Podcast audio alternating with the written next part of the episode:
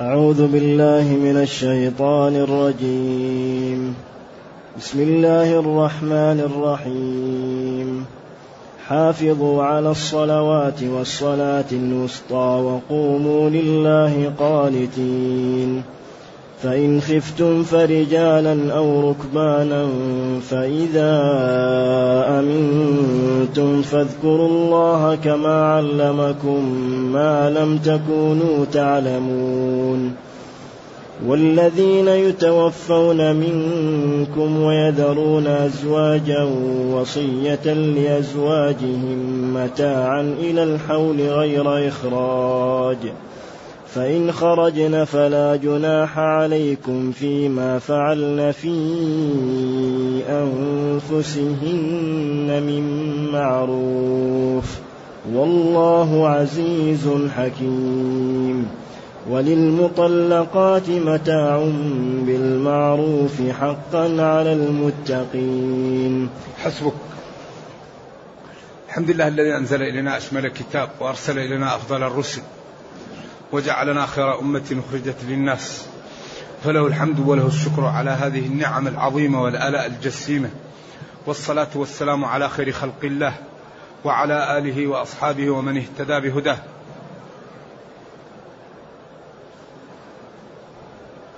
أما بعد فإن الله تعالى يأمر بالمحافظة على الصلوات وعلى الصلاة الوسطى. ولذلك سأل بعض طلاب العلم عن هذا. قالوا لماذا هذه الآية جاءت بعد؟ قبل والذين يتوفون منكم ويذرون أزواجا وقبلها وإن طلقتموهن وبعدين وللمطلقات متاع بالمعروف. فالمسؤول كان لا يعرف فذهب لأحد الشيوخ الذين لهم علم في التفسير. فقال الشيخ رحمة الله عليه ربما تكون هذه القضايا مظنة لضياع الوقت أو لعدم المحافظة على الصلاة فأمر الله بالمحافظة على الصلاة في خضم هذا الجانب لأنه ربما يكون سبب في ضياع الصلاة أو تأخيرها أو كذا. ولذلك هذه القضايا مشغلة مشغلة ذهنيا. ومشغلة نفسيا ومشغلة أيضا آه، جسمانيا. قضايا البيت تشوش على الواحد. فلما كان هذا مظنة لأن الواحد يعني ربما إيش؟ يأخر الصلاة أو لا ينتبه لها أو لا يأتي بخشوعها. أمر بالمحافظة على الصلاة في أثناء الكلام على قضايا البيوت العدد والطلاق وهذه الأمور. وقال بعض العلماء لما بين كثيرا من الأمور التي تتعلق بالدنيا يسألونك عن المحيض يسألونك عن اليتامى ويسألونك عن الشهر الحرام. وهذه أمور بعدين أتبع ذلك بعبادات محضة للآخرة. ولذلك الصلاة هذه أمرها غريب. الصلاة كل العبادة في الصلاة. ولذلك هي عبادة يعني كل يعني الأمور التي تقوي الإيمان موجودة في الصلاة. يعني مثل ما تقول هي غذاء كامل للإيمان. الغذاء الكامل للإيمان الصلاة. فيها بروتينات الإيمان والنشويات وفي كل أنواع التي يقوم بها الجسم الإيمان يقوم بالصلاة هذه. لكن بشرط أن تكون إيش؟ أن تكون مؤداة على الطريق المشروع بها. لذلك من المؤسف أن كثيرا من المسلمين الآن لو نعمل استبيان كم أركان الصلاة؟ كم شروط الصلاة؟ ما هي مبطلات الصلاة؟ كثير منا لا يعرف هذا. ونحن نعملها كل يوم كم مرة؟ خمس مرات. ولذا الله يقول إن الصلاة تنهى عن الفحشاء والمنكر إذا كانت الصلاة اللي هي صلاة. أما إذا كان الواحد ينقرها يعني شوف الإنسان طيب فإذا بدأ يصلي مسكين أولا الطمأنين ما يجيبها كثير منا. ثاني شيء الركوع ما يكون سليم. ثاني شيء السجود. فلذا الصلاة أمرها عجيب. يعني واتفق الأئمة الأربعة على أن تاركها حياته غير شرعية. الذي يترك الصلاة حياته غير شرعية. لا يخالط المجتمع. إما أن يسجن ويضرب وإما أن يقتل. أما يخالط المجتمع تارك الصلاة لا يخالط المجتمع. لأن هذا إنسان مريض وخطير ومخالطته للمجتمع فيها ضرر على المجتمع فلا بد أن يحجر عليه حتى يموت أو يصلي. إما أن يقتل وإما أن يسجن ويضرب. ويقتل إما كفر أو يقتل حد. ومذهب أبي حنيفة وأحمد واضح في المسألة لكن مذهب الشافعي ومالك فيه نوع من الخفاء. وقد نعرج عليه في أثناء الدرس. إذا حافظوا حافظوا. هذا كأنه مفاعلة من المحافظة ومفاعلة قد تأتي من غير اثنين كطارقت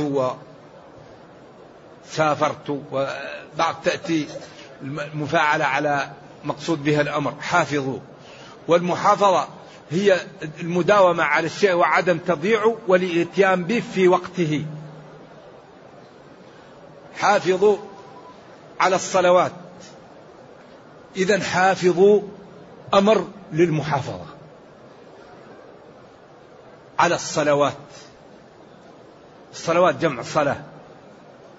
هل هي الصلوات كلها أو الصلوات الخمسة؟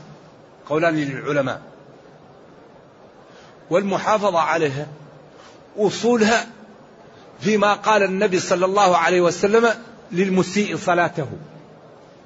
جاء وصلى وسلم على النبي صلى الله عليه وسلم فقال له ارجع فصلي فإنك لم تصلي. راح وصلى. فجاءه وقال ارجع فصلي فإنك لم تصلي. بعدين قال والذي بعثك بالحق لا أحسن غير هذا.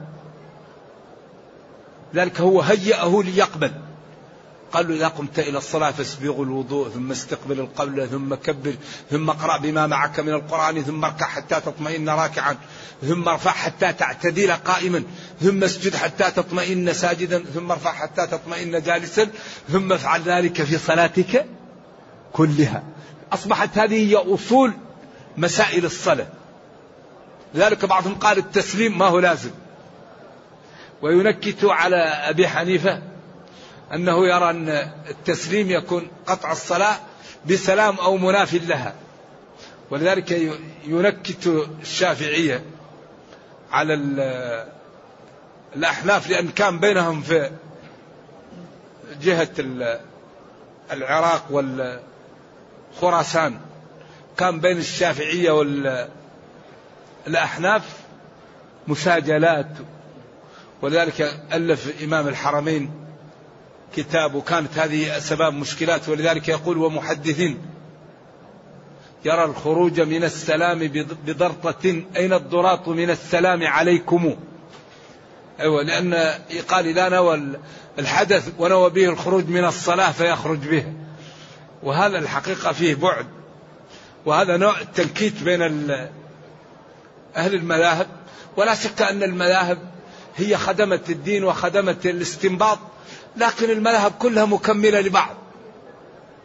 فلا ينبغي لطلاب العلم أن واحد يكون يختار إمام عن إمام وإنما الأئمة كلهم عدول وأهل حق وأهل خير وليسوا بمعصومين. فمن عنده الحق نترحم عليه ونقبل الحق ومن عنده خطأ نترحم عليه ونرد الخطأ. وكل واحد منهم صح عنه أنه قال إذا صح الحديث فهو مذهبي. وقد جاء الشيخ ناصر الدين رحمه الله الألباني في كتابه القيم صلاة النبي صلى الله عليه وسلم من التكبير إلى التسليم بأسانيد صحيحة عن الأئمة الأربعة أن كل واحد منهم يقول إذا صح الحديث فهو مذهبي.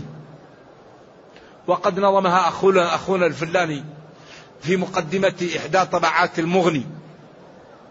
المغني لابن قدامة وهو من أجل كتب الفقه المقارن وأعدلها وأكثرها يعني أمين في النقل. إذا نقل عن المذاهب لا ينقل إلا بأمانة ويأتي بالأدلة. ولكن نحن يعني دائما كل واحد منا يختار ما يحلو له لكن المقدم النصوص. إذا كان ما فيه نص الأمر سهل. إذا كان كل واحد عنده نص الأمر سهل. لكن المشكلة إذا كان في طرف نص وفي الطرف الثاني لا يوجد نص. أما إذا كانت قضية اجتهادية الأمر سهل. قضية مصلحية أمر سهل. قضية قياسية الأمر سهل. إذا كانت قضية كل واحد عنده نص يستدل به الأمر سهل. لكن هنا يكون في نص صريح وهنا في عموم. أو إطلاق أو قياس لا. إذا ونظم الفلاني هذا قال أبو حنيفة الإمام لا ينبغي لمن له إسلام أخذ بأقوالي حتى تعرض على الكتاب والحديث المرتضى. ومالك إمام دار الهجرة قال وقد أشار نحو الحجرة كل كلام منه ذو قبول ومنه مردود سوى الرسول صلى الله عليه وسلم. والشافعي قال إن رأيتم قولي مخالفا لما رويتم من الحديث فاضربوا الجدار بقولي المخالف الأثار. وأحمد قال لهم لا تكتبوا ما قلته بل أصل ذاك فاطلبوا. فاسمع مقالة الهداة الأربعة واعمل بها فإن فيها المنفعة لقمعها لكل ذي تعصب والمنصفون يكتفون بالنبي صلى الله عليه وسلم. إذا كل واحد من الأئمة يقول إذا صح الحديث فهو مذهبي. قال العلماء كل أتباع الأئمة للأئمة عليهم منة. أتباع الأئمة للأئمة عليهم منة. إلا البيهقي. الإمام البيهقي له منة على الشافعي. لأنه أصبح يأتي بالحديث ويقول وقد صح الحديث في هذه المسألة وهذا مذهب إمامنا لأن الشافعي رضي الله عنه قال إذا صح الحديث فهو مذهبي. فأصبح له المنة على المذهب لكثرة ما جمع من الأدلة والأحاديث الصحيحة وله كتابه القيم السنن الكبرى. هذا أجمع كتاب للفقه ولأقوال الصحابة ولأقوال الأئمة. يعني كتاب عظيم جدا وهو مطبوع وموجود في السوق السنن الكبرى للبيهقي. إذا حافظوا. هذا أمر للوجوب على الصلوات. كل الصلوات يحافظ عليها. شروطها التسعة. أركانها الأربعة عشر واجباتها سننها أندابها. الواحد يحاول أن يأتي بالخشوع. الخشوع لا يملكه الإنسان لكن يملك الأسباب. يحاول أن يأتي بما يستطيع من النافلة. يحاول أن يأتي للصلاة بخشوع وبسكينة. ولا تأتوها وأنتم واحد شوفه يجري يجري ذاهب للصلاة. يا أخي اللي أمرك بالصلاة قال لك تأتي لا تسرع فما أدركتم وما فاتكم فأتموا. أنت لو فاتك الصلاة مكتوبة لك الجماعة. ما دمت أنت في البيت نويت تذهب للصلاة مكتوبة لك. لكن فرق بين ما كل يوم واحد يقول مكتوبة لي ولا يأتي وواحد انشغل أو ما دمت أنت وصلت ذهبت من البيت لأجل الجماعة تكتب لك. فإن وجدتها تكتب لك وإن لم تجدها الله يكتبها لك. الله كريم. إذا الدين بالاتباع. ما هو بالهوى. لذلك ينبغي نتبع. حافظوا على الصلوات. لذلك الذي يصلي ويغتاب الناس وينظر في الحرام ويظلم الناس. هذه الصلاة فيها مشكلة. لأن الله يقول إن الصلاة تنهى عن الفحشاء. فإذا كان الإنسان يمارس الصلاة ولا يقلع عن المعاصي معناته هذه الصلاة فيها مشكلة. ما هي مضبوطة. فلازم الإنسان يعرف الطريقة التي يصلح بها صلاته حتى تحميه من المعاصي. لذلك الصلاة فيها الصوم وفيها المال. وفيها كل عبادة لأن أكثر وقت أكثر شيء يجمع به الإنسان المال ما هو؟ الوقت. الصلاة تأخذ عليك الوقت. الصلاة كأنها صوم لأنه لا يجوز الأكل في الصلاة. فكل العبادات داخلة في الصلاة. عبادة بدنية ومالية عجيبة الصلاة. فلذلك الله قال حافظوا على الصلوات. الخمسة أو الصلوات المفروضة والصلوات اللي هي السنن. أو الرواتب. عشرة أو 12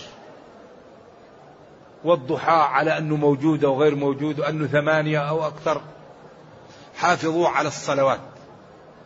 بعدين قال والصلاة الوسطى. والصلاة الوسطى. هذا عند بعض الناس تعين أن الصلوات المقصود منها الخمس لأنه قال والصلاة الوسطى. وللعلماء فيها أكثر من عشرة أقوال. الصلاة الوسطى. والغريب كيف يجرى الخلاف فيها بعد قوله صلى الله عليه وسلم شغلونا عن الصلاة الوسطى ملأ الله أجوافهم أو قلوبهم. أو بطونهم نارا وقبورهم. صلاة العصر. لكن جاء في رواية أخرى حافظوا على الصلوات والصلاة الوسطى وصلاة العصر. هذه أيضا مشكلة أخرى. إذا في نصوص صحيحة صريحة أنها صلاة العصر. لكن في نصوص أخرى صحيحة أنها حافظوا على الصلوات والصلاة الوسطى وصلاة العصر. والعطف يقتضي ما لا؟ المغايرة. هذه مشكلة. القول الثاني أنها صلاة الظهر لأنها هي أصعب الصلاة وتأتي الناس نازلة من العمل وفي الحر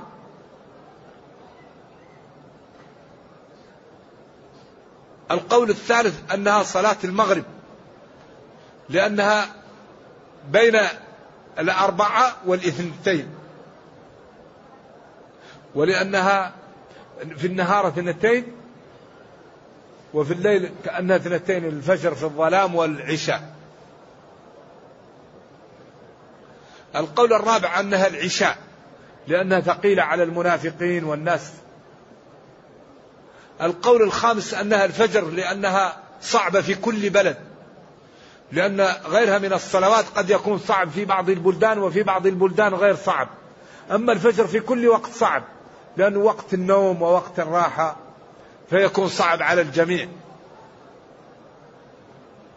القول السادس أنها الفجر والعصر. القول السابع أنها العصر والعشاء. القول الثامن أنها الجمعة. القول التاسع أنها كل صلاة. وهذا اختيار ابن عبد البر. القول العاشر أنها مخبوءة. ولذلك قالوا علمت ثم رفعت. ولذلك ابن عبد البر يقول في الاستذكار أن حافظوا على الصلوات جميعا وعلى كل صلاة بمفردها. لأن كل صلاة وسطى لأن الصلوات خمسة. فكل واحدة بالنسبة للاثنتين وسط إذا حافظوا على الصلوات جميعا وعلى كل صلاة بمفردها. ولذلك قالوا ما دامت هي في الخمس الله فما إذا حافظ على جميع الصلوات إذا أنت تحافظ على الوسطى. وفيه نص صحيح صريح أنها العصر وفيه قول قوي أنها الفجر. نعم. والنصوص كثيرة جدا وهو اختيار بن جرير أنها العصر. إذا حافظوا على جميع الصلوات وعلى كل صلاة بمفردها. ولذلك الصلاة عجيبة. مالك والشافعي قالوا تارك الصلاة يقتل حدا. وهذا الدليل فيه خفاء. أحمد في الرواية التي عليها الفتوى قالوا يقتل كفرا. وهذا دليل قوي جدا. لأنه قال العهد الذي بيننا وبينهم الصلاة فمن تركها فقد كفر. هنا قد يكون كفر دون كفر. قال ليس بين العبد أو الشرك إلا ترك الصلاة. هذا قد يكون أيضا من باب الوعيد لكن من ترك الصلاة فهو مع فرعون وهامان وقارون وأبي بن خلف. والمجازات لا تؤكد. فهذا حديث مشكل فعلا يعني من أقوى شيء. وقال السلف لا نعلم عملا يكفر به الإنسان إلا الصلاة. ولذلك كل عبادة إذا عجز المسلم عنها تسقط عنه. إلا الصلاة. متى تسقط الصلاة عن المسلم؟ أحسنت إذا فقد العقل. لا تسقط الصلاة عن المسلم إلا بفقدان العقل. صلي واقف. فإن لم تستطع فجالس. فإن لم تستطع فعلى جنبك. فإن لم تستطع فعلى ظهرك. فإن لم تستطع فبالإيماء بالرمش بالص... لا تسقط الصلاة إلا عمن من فقد العقل. أما الصوم للمسافر للمريض الحج لمن استطاع الطهارة لمن يستطيع. كل العبادات تسقط عن الذي لا يستطيع. الصلاة لا بد يقوم بها من عنده عقل. إذا أبو حنيفة قال لا يحل دم امرئ مسلم إلا بإحدى ثلاث. كفر بعد إيمان أو زنا بعد إحصان أو قتل المسلم المحصن بغير إيش؟ قتل المسلم عمدا عدوانا. وترك الصلاة ليس من الثلاثة. إذا مذهب أبي حنيفة واضح ومذهب الإمام أحمد واضح. طيب مذهب مالك والشافعي ما هو واضح؟ لأنهم قالوا يقتل إيش؟ حدا لا كفرا. فقالوا الدليل على ذلك كثرة المفاهيم الموجودة في الكتاب والسنة على أن المصلي لا يقتل. فيفهم من دليل من, من المفهوم أن غير المصلي إيش؟ يقتل. فإن تابوا وأقاموا الصلاة وآتوا الزكاة خلوا سبيلهم. نهاني ربي عن قتل إيش؟ المصلين. قال إنه يصلي. قال يصلي ولا صلاة له. قال نهاني ربي عن قتل المصلين. ما أقاموا الصلاة. إذا المفاهيم المخالفة الموجودة في الكتاب والسنة أن الذي يصلي لا يقتل. يفهم منها أن الذي لا يصلي يقتل. إذا كثرة مفاهيم آه، يعني الكتاب والسنة عن نهي عن قتل المصلين. ففهم منه أن غير المصلي إيش؟ يقتل. ولذلك هذه الصلاة ينبغي أن تصلى في المحل الذي يدعى لها فيه. وللعلماء في صلاة الجماعة أربعة أقوال وكل منها قوي وله الأدلة. القول الأول وهو أضعفها أنها شرط في صحة فرض عين شرط في صحة الصلاة. وهذا القول قوي جدا وله أدلة ولكن هو أضعف الأقوال. القول الثاني أنها فرض عين ليست شرطا في صحة الصلاة وهو قوي جدا. القول الثالث أنها فرض كفاية وهو قوي جدا. القول الرابع أنها سنة مؤكدة وهو قوي جدا وكل له الأدلة كثيرة. فلذلك ينبغي لطالب العلم أن ينظر في هذه الأدلة ويختار ما يحلو له ويرفق بالمخالف. كلها عليه أدلة. أما الذين قالوا فرض عين قال للأعمى أتسمع النداء؟ لما قالوا أنا لا قائد لي قال له نعم عذره فلما مشى قال له أتسمع النداء؟ قال له نعم. قال له أجب. أو لا أجد لك عذرا. أما الذين قالوا إنها فرض كفاية فكان النبي صلى الله عليه وسلم يرسل السرايا فإذا سمعوا الأذان تركوا فإذا لم يسمعوا الأذان هاجموهم فدل ذلك على أنها فرض كفاية. ولذلك لقد هممت أن آمر رجلا فيؤم الصلاة ثم أخالف لناس لا يشهدون الجماعات فأحرق عليهم بيوتهم.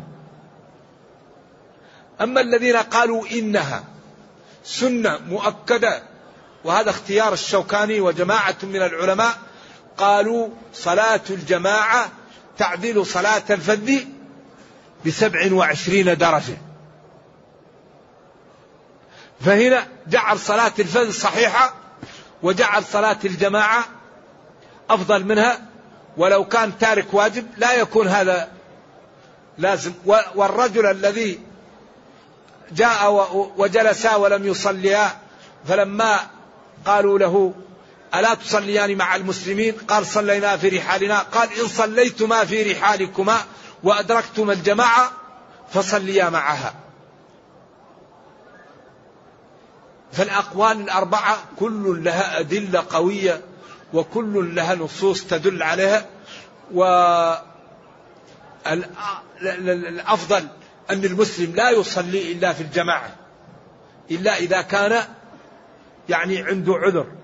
فالتخلف عن الجماعة ليس من شيم المسلم. وقال ابن مسعود لقد رأيتنا وما يتخلف عنها إلا منافق معلوم النفاق. وقال الله واركعوا مع الراكعين. فينبغي للمسلم أن يصلي مع الجماعة وهذه الأقوال كلها لها أدلة ولطالب العلم أن ينظر ويختار ما يحلو له ويرفق بالمخالف. وقبل أن ينكر على المخالف ينظر في أدلته. لا بد أن نتعود أن نعرف ما الذي استدل به المخالف. لأن هذا يعطي لطالب العلم أولا الإنصاف بعدين يوسع مداركه بعدين يكون سبب في تعلمه وفهمه. غيرك يحب الجنة غيرك يفهم غيرك يتقي الله غيرك يريد أن يكون من, من أهل الفضل. ولذلك الإنسان ينبغي أن ينزل أن ينزل إخوانه منزلة ما لا نفسه. فأنت إذا قال أخوك قولا أول ما تقول له ما دليلك على هذا؟ قد على طول تترك ما عندك وتذهب معه. لأن نحن عندنا ميزان. ميزاننا هو ماذا؟ النصوص. فإن تنازعتم في شيء فردوه إلى الله والرسول. إذا العادات ليست أكبر شيء مشكلة العادات. لأن الإنسان إذا تعود على عادة يظنها دين أحيانا. لا أحيانا العادة تكون طيبة وأحيانا تكون غير طيبة. إذا العادة غير النصوص. لذلك بعض الناس ينفر من العادة. قال اخرجوا آل لوط من قريتكم. لماذا؟ طيب إنهم أناس إيش طيب هذا مدعاه للإكرام أو للإخراج. وقال أجعل الآلهة إيش؟ فلذلك الإنسان إذا تعود على الخطأ أحيانا يرى غيره هو الخطأ. ولذلك لا بد من تعود المسلم على قبول الحق سواء قلته أو قاله شيخي أو قاله آه، إمامي. فالحق يقبل ممن قاله والخطأ يرفض ممن قاله. نحن عندنا ميزان. تركت فيكم ما إن تمسكتم به لن تضلوا بعدي. كتاب الله وسنتي. فلذلك لما اختلف الشافعي والإمام أحمد ففي قضية أن يعود الرجل في هبته قال العائد في هبته أيوه. فقال له الكلب يجوز له أن يعود في قيئه. قال له ليس لنا مثل السوء أيوه. لذلك أحيانا لما تنظر في أدلة العلماء كل قول تراه راجح مثلا لو تنظر الآن في أدلة الأنساك الثلاثة.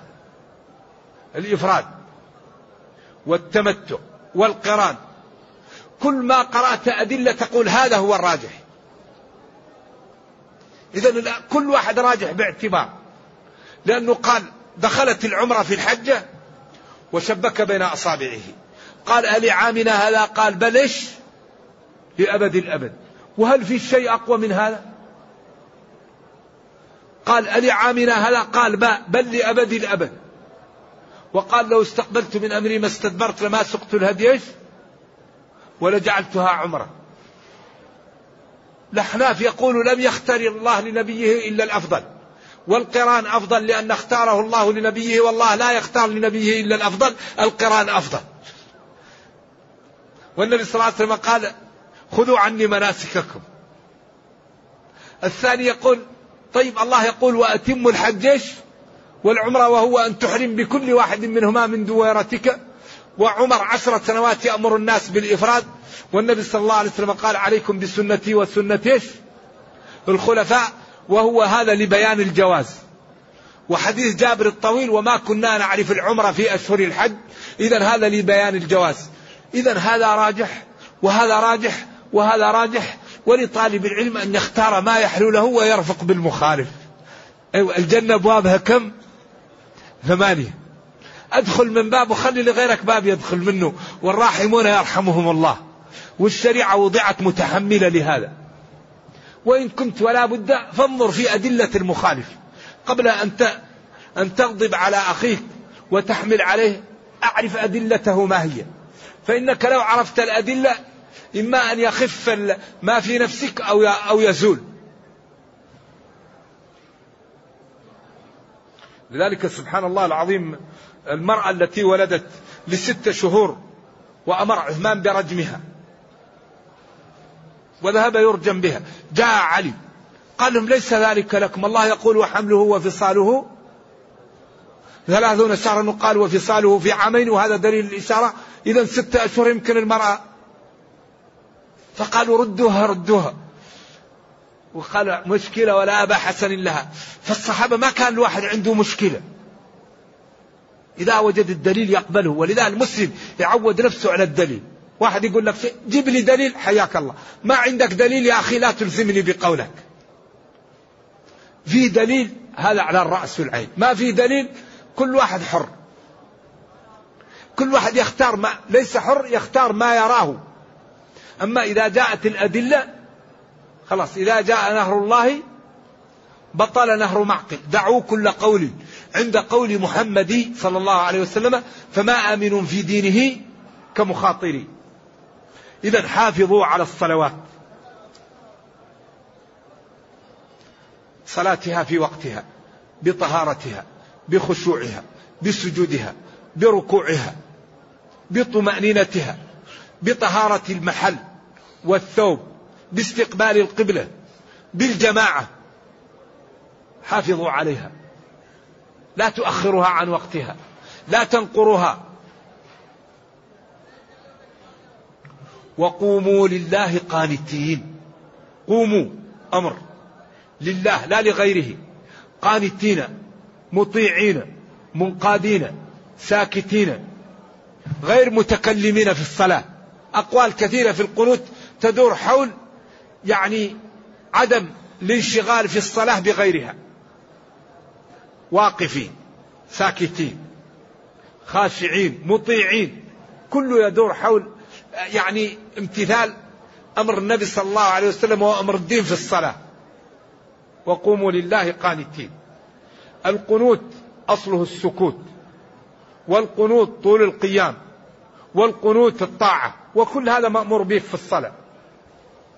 فإن خفتم فصلوا رجالا وصلوا ركبانا. خفتم من أسد خفتم من سيل خفتم من حية خفتم من عدو. فإن خفتم فالله تعالى جعل أبواب الأمام مفتحة في هذا الدين وهذا الدين عملاق دين يسر دين السماحة دين النزاهة دين العفة دين اليسر. فبأي حق ما نظهر للعالم جمال هذا الدين حتى ننقذ الكرة الأرضية؟ كثير من الناس إذا مات على الكفر سيلببنا يوم القيامة. يا مسلمون حلتم بيني وبين فهم الإسلام. بعدم عملكم به. إذا فإن خفتم فصلوا رجالا جمع رجلان أو رجل وهو الذي يمشي على رجليه. أو ركبان جمع راكب على فرس على بعير على غيره. لذلك هذا الدين يسر. وقيل هذا ليست هي صلاة الخوف لأن صلاة الخوف لها محلها في سورة النساء. وقيل هذا إشارة للصلاة الإنسان الخائف وليست الصلاة التي هي في المعركة التي لها صيغ سبعة. إما أن يكون العدو في جهة القبلة وإما أن لا يكون في جهة القبلة. وإما أن يكون الصلاة رباعية أو غير رباعية فلذلك يقسم الجيش طائفتين فطائفة تصلي ركعة ثم تتأخر ثم تأتي الطائفة الأولى ويصلي بها الإمام ركعة ثم تأتي الطائفة الثانية وتصلي مع الإمام ركعة ثم تتأخر فتأتي الثانية وتكمل لنفسها وترجع وتأتي الثانية وتكمل. وقيل يصلي بالأولى ركعة فتتأخر الثانية إذا كانوا على جهة القبلة ثم يسجدوا ويتقدموا على الروايات الموجودة. وهذا أكبر دليل على وجوب صلاة الجماعة وأنها لازمة أنها فرض لأنه في وقت المسايفة الله يأمر بها ويأمر بالجماعة في هذا الوقت. فإن خفتم فرجالا أو ركبانا صلوا رجالا وركبانا. وقيل أيضا أن صلاة الخوف تنقص من العدد. يعني صلاة السفر ركعتين وصلاة الحضر تامة وصلاة الخوف ركعة. فإذا أمنتم فكملوا الصلاة. فاذكروا الله كما علمكم ما لم تكونوا تعلمون. أو فإذا أمنتم من الخوف فاشكروا الله على ما أعطاكم من النعم. وهذا القول الثاني مرجوح. وإنما فإذا أمنتم فاذكروا الله أي فصلوا كما علمتم يعني بركوعها وسجودها وبطمأنينتها وبخلاف وقت الخوف فإن ذلك يغتفر. ونرجو الله جل وعلا أن يوفقنا وإياكم لما يحبه ويرضاه وأن يجعلنا جميعا من المتقين ونوقف هذه الدروس المباركة إلى بعد إن شاء الله رمضان لأنه آخر رمضان الحقيقة كان الصحابة إذا دخل النبي صلى الله عليه وسلم شد مئزره إيش؟ وأيقظ ليله وأيقظ أهله وأحيا ليله. فهذه العشرة التي ستدخل ينبغي لنا جميعا أن نتعرض فيها لليلة القدر ونتعرض فيها للطاعة. ونرجو الله جل وعلا أن يتقبل منا ومنكم. لأنه وقت قليل فالحقيقة ينبغي كل واحد منا أن يجتهد فيه وإن كان طلب العلم لا يقل عن هذا. بل قال بعض العلماء أن طلب العلم أفضل من العبادة. لكن ما دام الحمد لله الوقت مؤاتي لأي وقت يمكن يطلب فيه العلم وهذا الوقت ينتهي فينبغي أن نستغل هذا الوقت ونستغل الأوقات الأخرى في إيش؟ في طلب العلم. ولا تنسوا إخوانكم من المسلمين الذين هم في حاجة تدعو تدعو تدعو لهم. أن الله تعالى يرفع عنهم لأن المسلمين في حاجة إلى الدعاء وإلى ودعوة المسلم لأخيه عن ظهر غيب مستجابة. والله يقول ادعوني أستجب لكم. وقال ادعوا الله بأفواه نش لم تعصوه بها. قالوا هي دعوة الأخ لأخيه. لأن ما في شخص إلا وعصى بفمه. نرجو الله جل وعلا أن يغفر لنا وأن يتجاوز عن سيئاتنا. اللهم أرنا الحق حقا وارزقنا اتباعه وأرنا الباطل باطلا وارزقنا اجتنابه. اللهم أصلح لنا ديننا الذي هو عصمة أمرنا وأصلح لنا دنيانا التي فيها معاشنا وأصلح لنا آخرتنا التي إليها معادنا. واجعل الحياة زيادة لنا في كل خير والموت راحة لنا من كل شر. اللهم إنا نسألك السلامة من كل اثم والغنيمة من كل بر والفوز بالجنة والنجاة من النار. اللهم إنا نسألك من خير ما سألك منه محمد صلى الله عليه وسلم وعبادك الصالحون. ونعوذ بك من من شر ما استعاذك منه محمد صلى الله عليه وسلم وعبادك الصالحون. اللهم اختم بالسعادة آجالنا واقرم بالعافية غدونا وآصالنا واجعل إلى جنتك مصيرنا ومآلنا. اللهم صل وسلم على نبينا محمد وعلى آله وصحبه وسلم تسليما. اللهم احفظ هذا البلد خاصة وبلاد المسلمين عامة. نعم السلام عليكم ورحمة الله وبركاته.